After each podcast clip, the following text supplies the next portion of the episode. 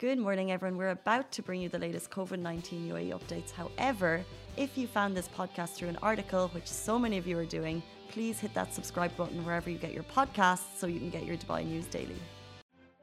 Good morning, everyone. Happy Tuesday to you all. My name is Shireen Ahmed, and I am gonna take you guys to on the Lovin Daily journey today. We are joined by Mariam, who's helping taking us live Hey, guys. in the back.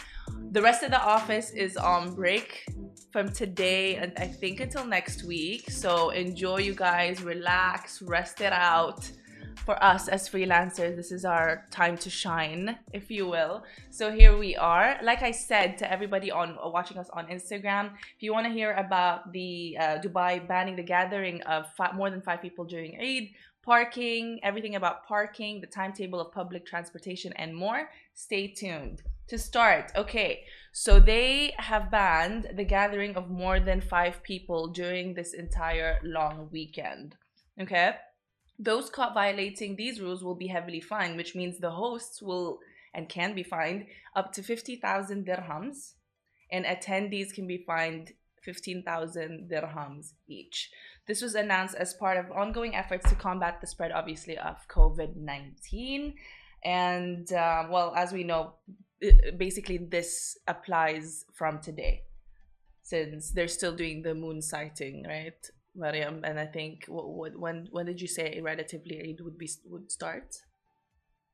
When will Eid relatively start? You think Eid is starting uh, after tomorrow. Like after tomorrow. tomorrow? But the Eid night, we Mm. call it like the night of the Eid, it's tomorrow. So, you know, the so night have before, yeah, Yeah, the, the night, night before. before. yes. to have fun and all of that. So keep that in mind if you or your family had plans because not only will the Dubai Police Department have police patrols running around as many as 3,000 officers apparently per shift, um, but they've also um, they also are having they're getting help from 700 I don't know why I cannot talk this morning. Anyway, but they're also going to get help from up to 700 volunteers who will um, help the authorities catch COVID violators. So we're taking this seriously right now, okay? Because I think I think this probably has something to do with maybe last year. Because remember, it was also new to us, and then it, Ramadan very restricted our Ramadan, right? But it was good; it was worth it. Mhm. And then Eid, I think, was just as restricted, and it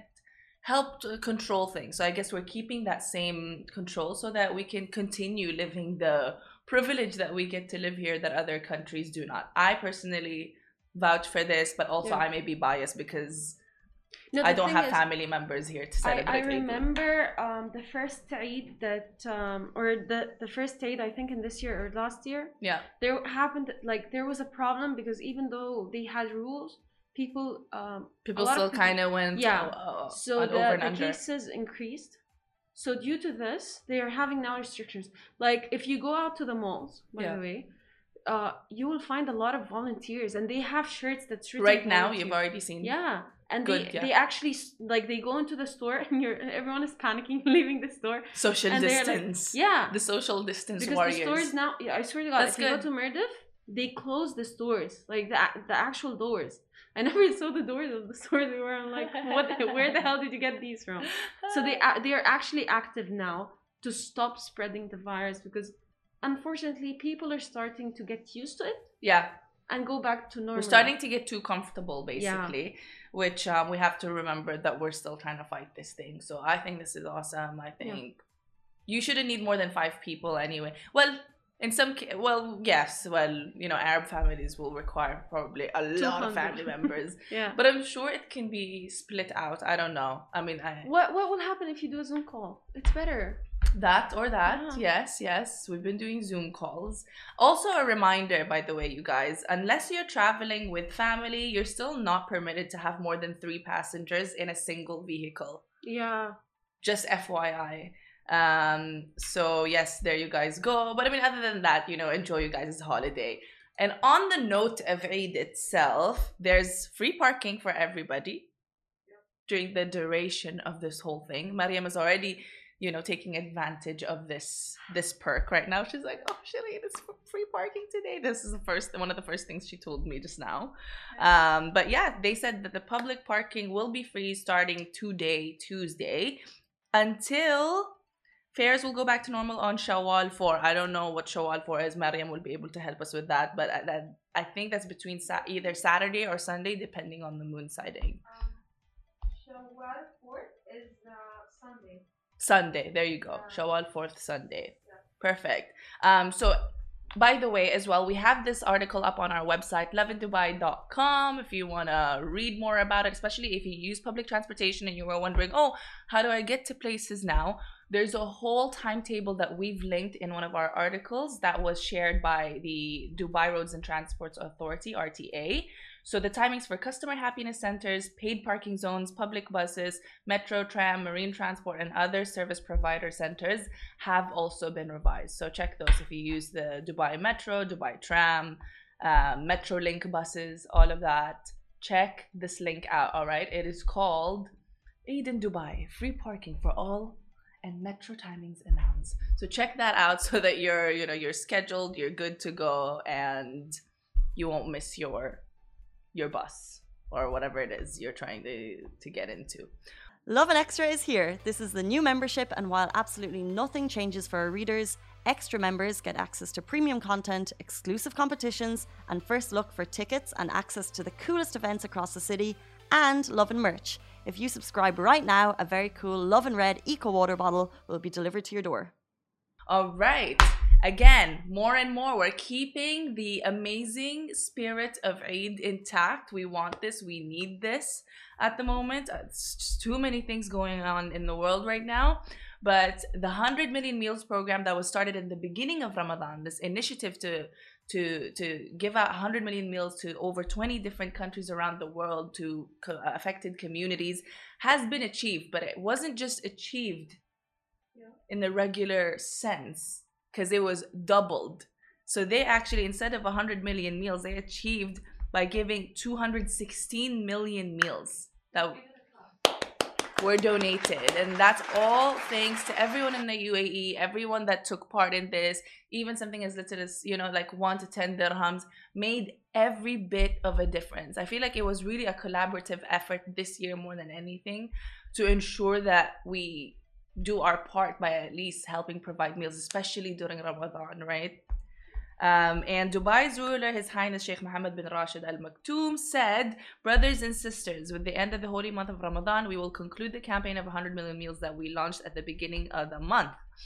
And when he referred back to the fact that they doubled from the original aim of 100 million meals, he said, This is the UAE. These are the people of the UAE, and this is the spirit of Ramadan in my beautiful country. And I couldn't agree more. Super beautiful. Um, I mean, I hope, I hope, I hope, even though Ramadan is, you know, almost at its end again, that we keep this intact. This is my my wish for every single year. I swear that like the good doing doesn't just leave after Ramadan's gone, and it continues because this it's it's so necessary for this year. It's just so necessary. Um, and all right, I know that a lot of you guys watching us are from either one of these countries, and if you're currently in the country right now, like Pakistan, Bangladesh, Nepal, and Sri Lanka, you may want to know about the suspension of entry for those of you guys arriving from your countries to the UAE because an announcement was made yesterday about the suspension. All right, so apparently according to the ncema not apparently it's, it's it's factual guys the general authority of civil aviation and Nat- national emergency crisis and disasters management authority whew, that was a long long long name has announced that from wednesday night all flights inbound from any of the countries I mentioned, which is Bangladesh, Pakistan, Nepal, and Sri Lanka, will temporarily be suspended from entry. This includes transit services as well and all carriers. We've got all the information up on the website, all right? The final flights allowed in the UAE will be at 11:59 p.m. on Wednesday, so tomorrow, May 12, 2021 the NCMA said that this decision um, also includes the extending the suspension of entry for travelers who were in these four countries in the 14 day period before arriving in the UAE. So let's say you're arriving from a different country, not the ones mentioned, but you you were previously in one of these countries um, in a 14 day period from Wednesday. then you might also want to check ahead. So, like always, uh, you know, flight cancellations and reschedulings and rebookings, they're bound to happen. We are in a pandemic, this is normal. Um, you know, there's not much we can do about it. This is again all in fight and, and, and good hope to to lessen the number so that we can just go back to normal life soon.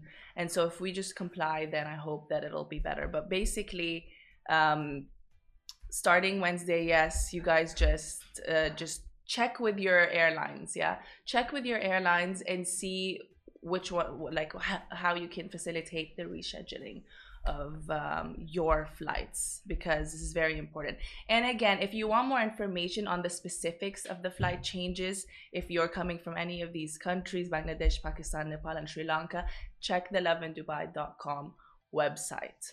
All right. If you guys have any questions, just ask us. We'll be back here, same time, same place on the Lovin Daily Live and uh, can't wait to get our little chat. Also, let us know what your plans are for Eid. We'll also have a list up today on the website on things you can do for this Eid long weekend break. And I think that is it from myself and Mariam for yep. today. Have an amazing, amazing day, everybody. Guys, that is a wrap for The Lovin Daily. We are back same time, same place every weekday morning. And of course, don't miss The Lovin Show every Tuesday where I chat with Dubai personalities. Don't forget to hit that subscribe button and have a great day.